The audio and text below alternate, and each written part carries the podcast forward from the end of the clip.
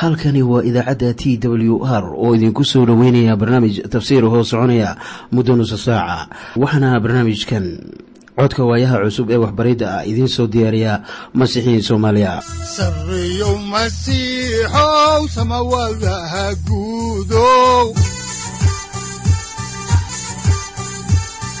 Siraadkii adduunkow subanaha eebow sareyow masiixow samawadaha guudow siraadkii adduunkow subanaha eebow. Adigoo samada jiro ifkan soo saldhiganba adigoo samada jiro ifkan soo saldhiganba kutubtiisanaye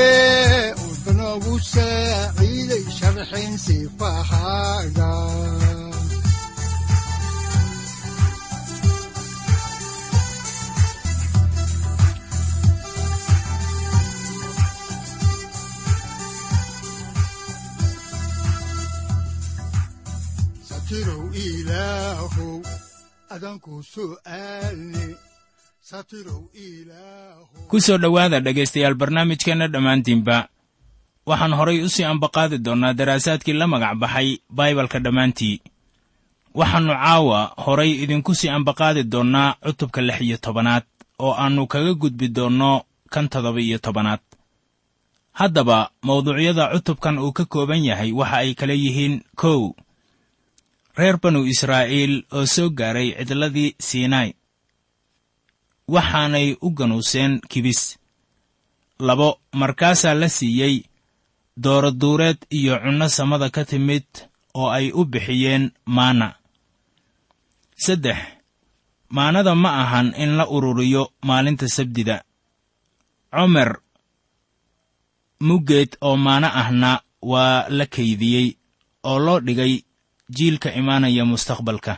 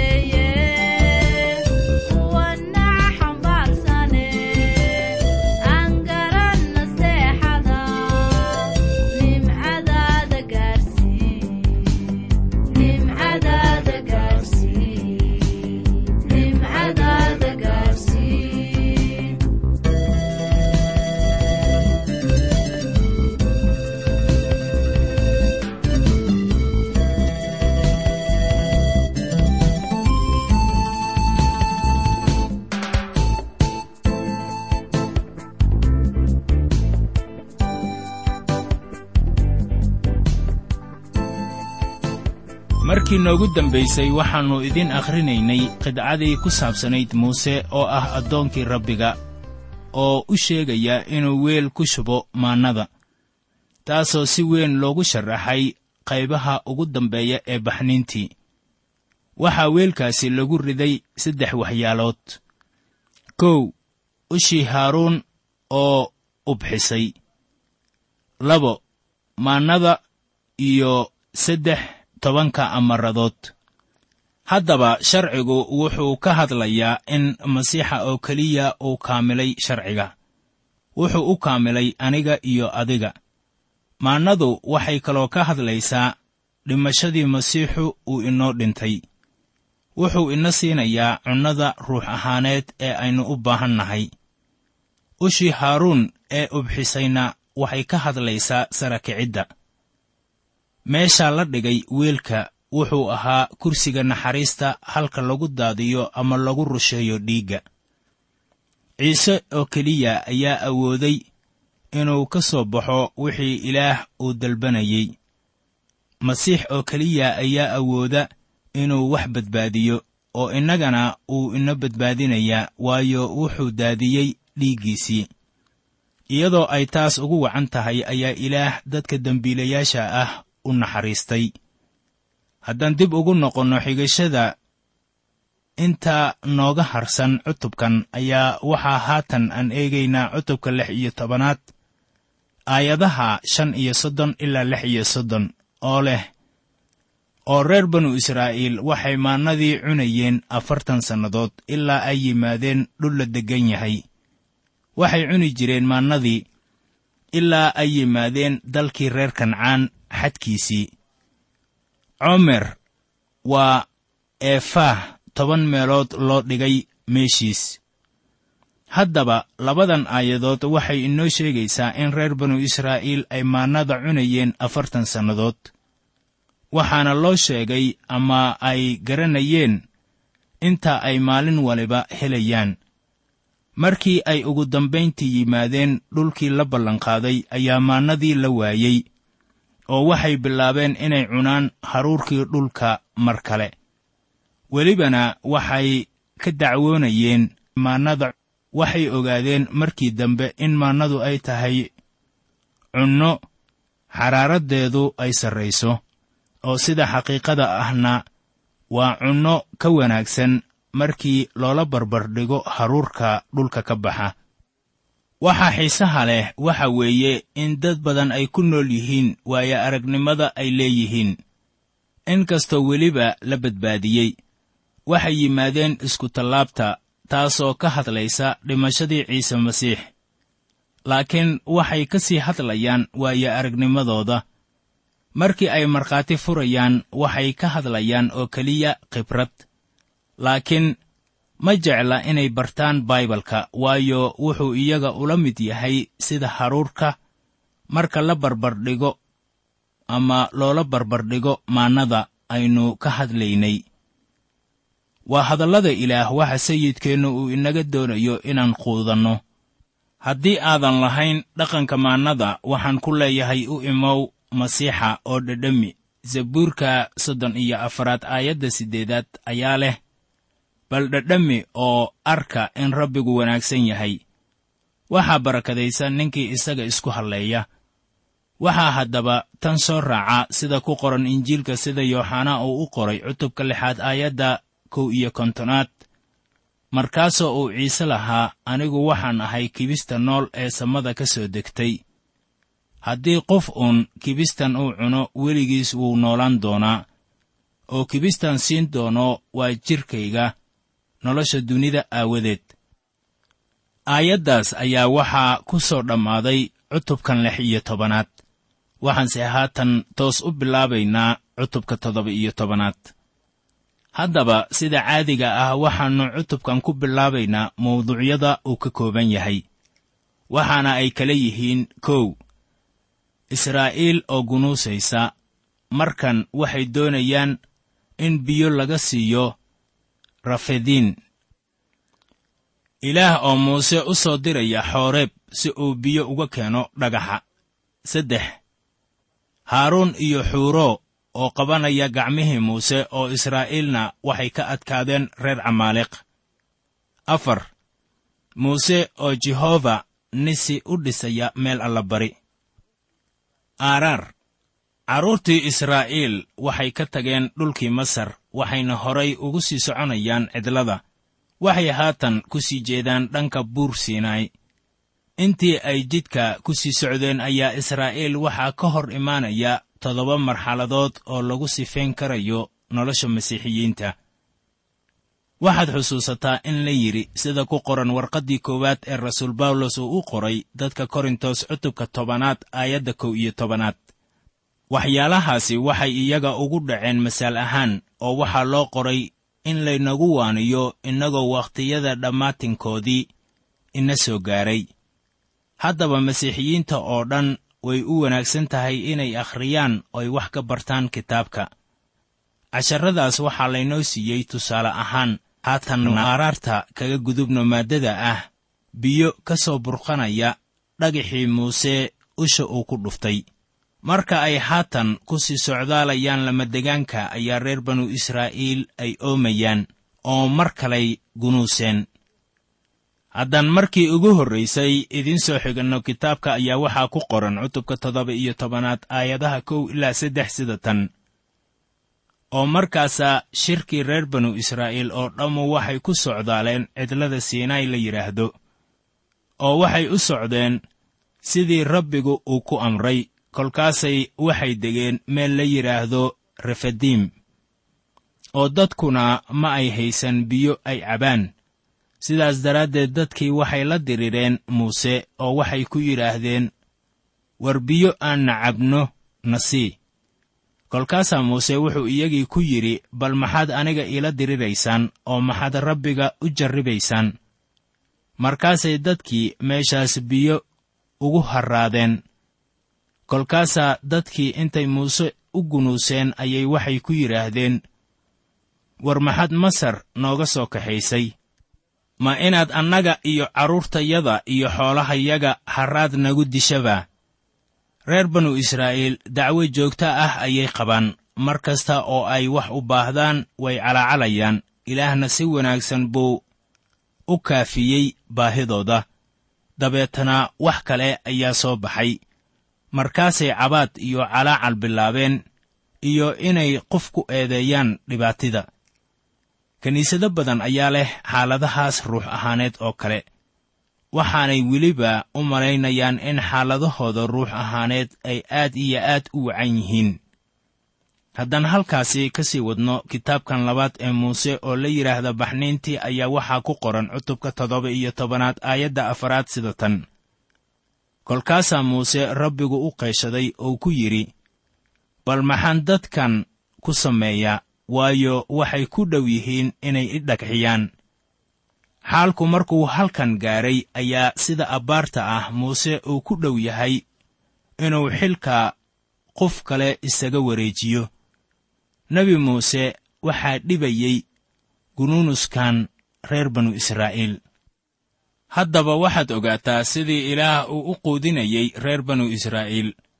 Haddaan halkii ka sii wadno ayaa waxaa ku qoran cutubka toddoba iyo tobanaad aayadda shanaad sida tan. Markaasaa rabbigu wuxuu muuse ku yidhi bal dadka ka hormar oo waxaad kaxaysataa waayeellada reer banu israa'iil.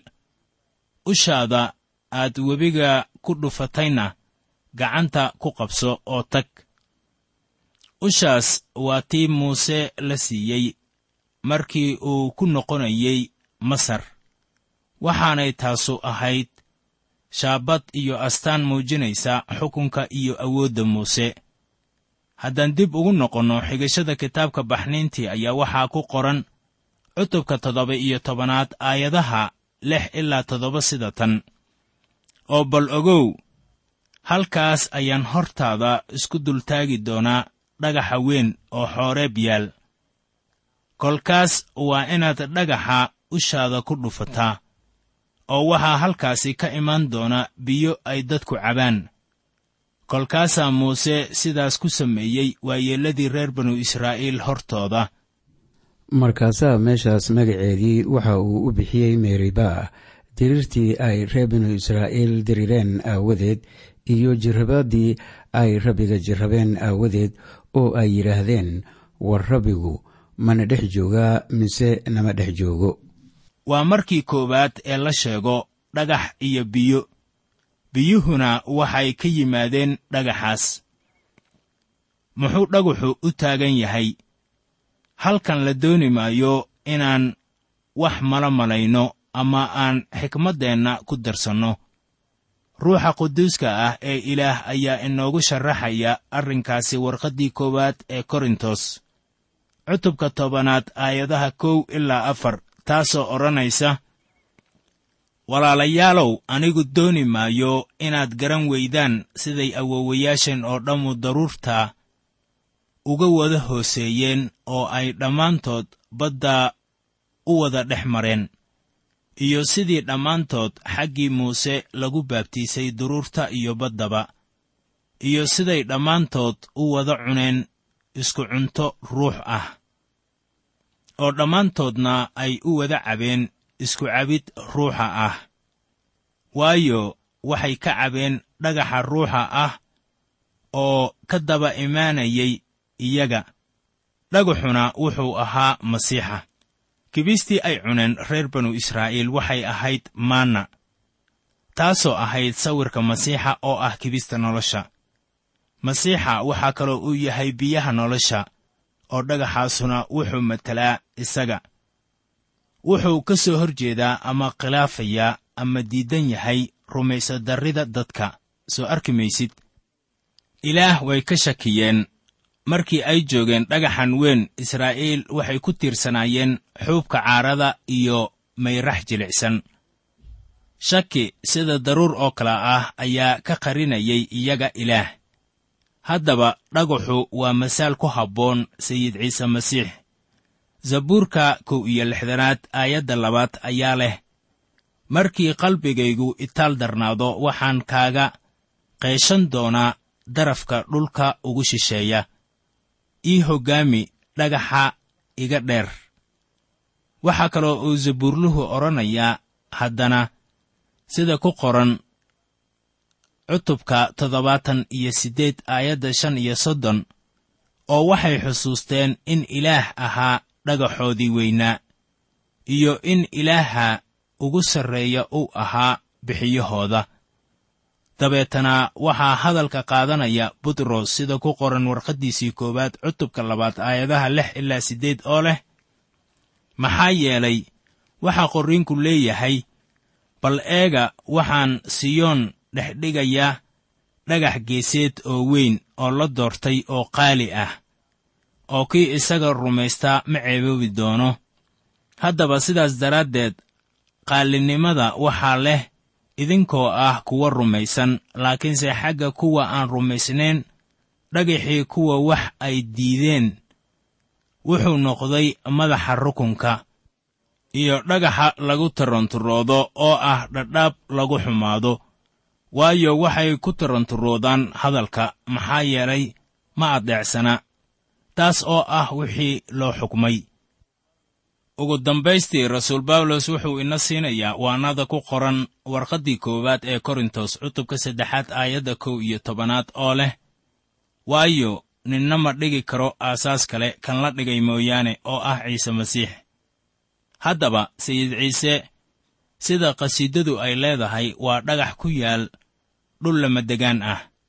Inkastoo tanu ay tahay sawir ku habboon isaga ah aasaaska oo ah kan aynu culayskeenna saarnay oo kiniisaddana laga dul dhisay ayaa haddana dhagaxaasu uu noqonayaa meesha ugu dambaysa ee aannu ku harraad beeli doonno. Si kaftan ahuna uma lihi laakiin welibana biyo adag ka heli maysaan dhagax.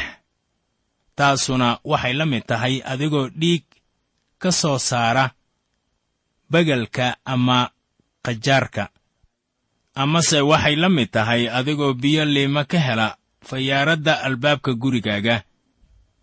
Dhagxaanta waad jeclaysan karaysaa noocyadooda kala duwan iyo adeygooda waxaanaad ka baran karaysaa casharro muhiim ah haddaad doonayso. Welibana waad baari karaysaa oo kala shaandhayn karaysaa haddaad doonto. Laakiin biyo ka heli maysid. Ciise waa dhagax laakiin noloshiisii wacnayd iyo ad adeeggiisu ku badbaadin maayo waxbariddiisuna badbaadin mayso ruuxaaga. Noloshiisa iyo waxbariddiisu waa sida luul la xardhay oo walow aad nafsaddaada u jeclaysato haddana taasi badbaado laga heli maayo. Ha yeeshee isticmaalka qaynuunnada sayid ciise baa ku nadiifin karaya qadar laakiin isagu waxa weeye dhagaxa ay cagtaadu ku istaagi karayso. Waxaad ku dhici karaysaa dhagaxa waa ciise masiixe adigoo badbaado doon ah laakiin dadaalka dadka ayaan dhagaxaas biyo ka keeni karaynin.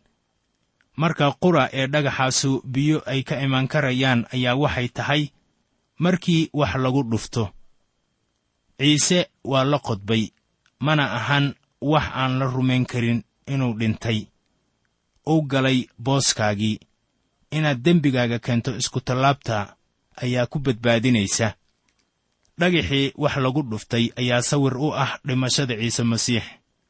Kitaabka afraad ee muuse oo la yidhaahdo tirintii ayaa laynagu sheegay mar labaad oo reer banu israa'iil ay ka dacwoodeen biyo la'aan. Markii ugu horraysay ee ay biyaha u ganuunacayeen. Markii ay oomeen ayaa ilaah uu u sheegay muuse inuu dhagaxa wax ku dhufto. Biyo ayaa ka soo burqaday. Isla kitaabkaas tirintii ayaa ilaah muuse uu siiyey amarro kale. Ilaah wuxuu muuse u sheegay sida ku qoran tirintii cutubka labaatanaad aayadda siddeedaad oo leh u shaqaado oo adiga iyo walaalka haaruun dadka shirka ah oo dhan soo shiriya oo iyagoo arkaya dhagaxa la hadla. Biyo ha soo daaye oo waa inaad iyaga dhagaxa biyo uga keentaa si aad u wada waraabisid shirka iyo lo'dooduba. Muuse waxay ahayd inuu la hadlo dhagaxa waayo dhagaxaas horay baa wax loogu dhuftay. Masiixa waxaa loo qodbay ilaa laba kun oo sanno ka hor oo markii uu saarnaa iskutallaabta ee uu lahaa way dhammaatay way dhammaatay ayaa xaqiiqa ahaan hawshaasu dhammaatay masiixa ma ahan in kol dambeeto la qodbo. Ilaah wuxuu ku qancay wixii ciise uu kuu sameeyey. Su'aashu waxa weeye miyaad ku qanacday hawshii masiixu uu kuu sameeyey markii uu iskutallaabta saarnaa? Wuxuu u dhintay inuu adiga ku badbaadiyo. Waxa ilaah oo weydinayo oo dhan inaad rumaysatana waa wiilkiisa. Haddaba haddii aad baibalka wax badan akhrisaan waxaad arkaysaan meelo badan oo aad ka helaysaan faa'iidooyin u wanaagsan noloshiinna. Waxaa ka buuxa baibalka erayo xigmad leh kuwaasoo haddii aad caadaysataan inaad akhrisaan noloshiinna beddelaya. Waxay kugu noqonaysaa layaab haddaan kugu idhaahdo marka ciidamada nabadgelyada ay qaadayaan faraha dadka si ay ku ogaadaan tuugada meelaha jabsata ayaa fikrad ahaan wuxuu ku sallaysan yahay baibalka arrintaasi isaga ah wuxuu ku qoran yahay kitaabka ayuub waxaana kitaabku uu sheegayaa in ilaah dadka uu ku kala garto farahooda. Bal aynu eegno kitaabkii ayuub cutubka soddon iyo toddobaad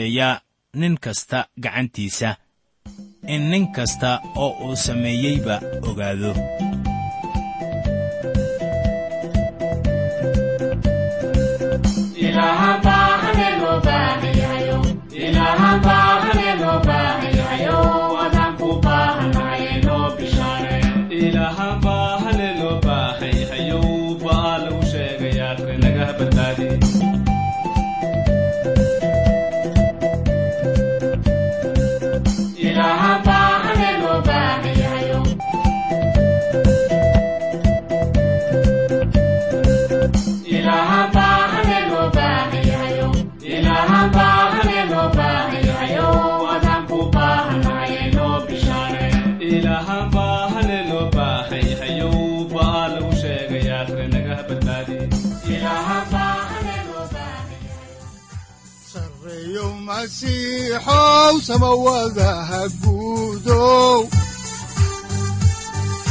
siraadkii adduunkow subanaha eebow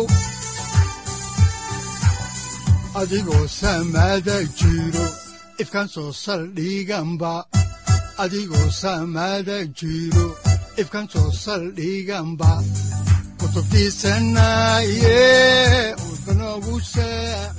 halkani waa t w r idaacadda t w r oo idinku leh ilaa ha idin barakeeyo oo ha idinku anfaco wixii aad caawi ka maqasheen barnaamijka.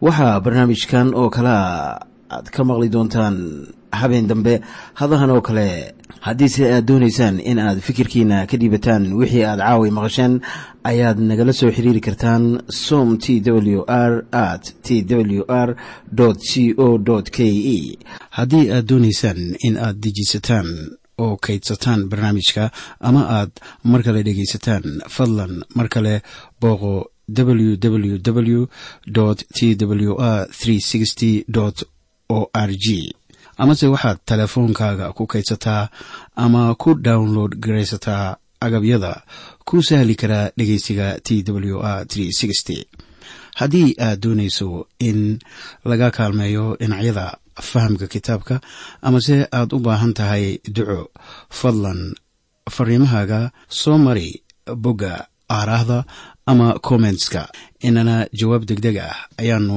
ku soo diri doonaa amase ku siin doonaaye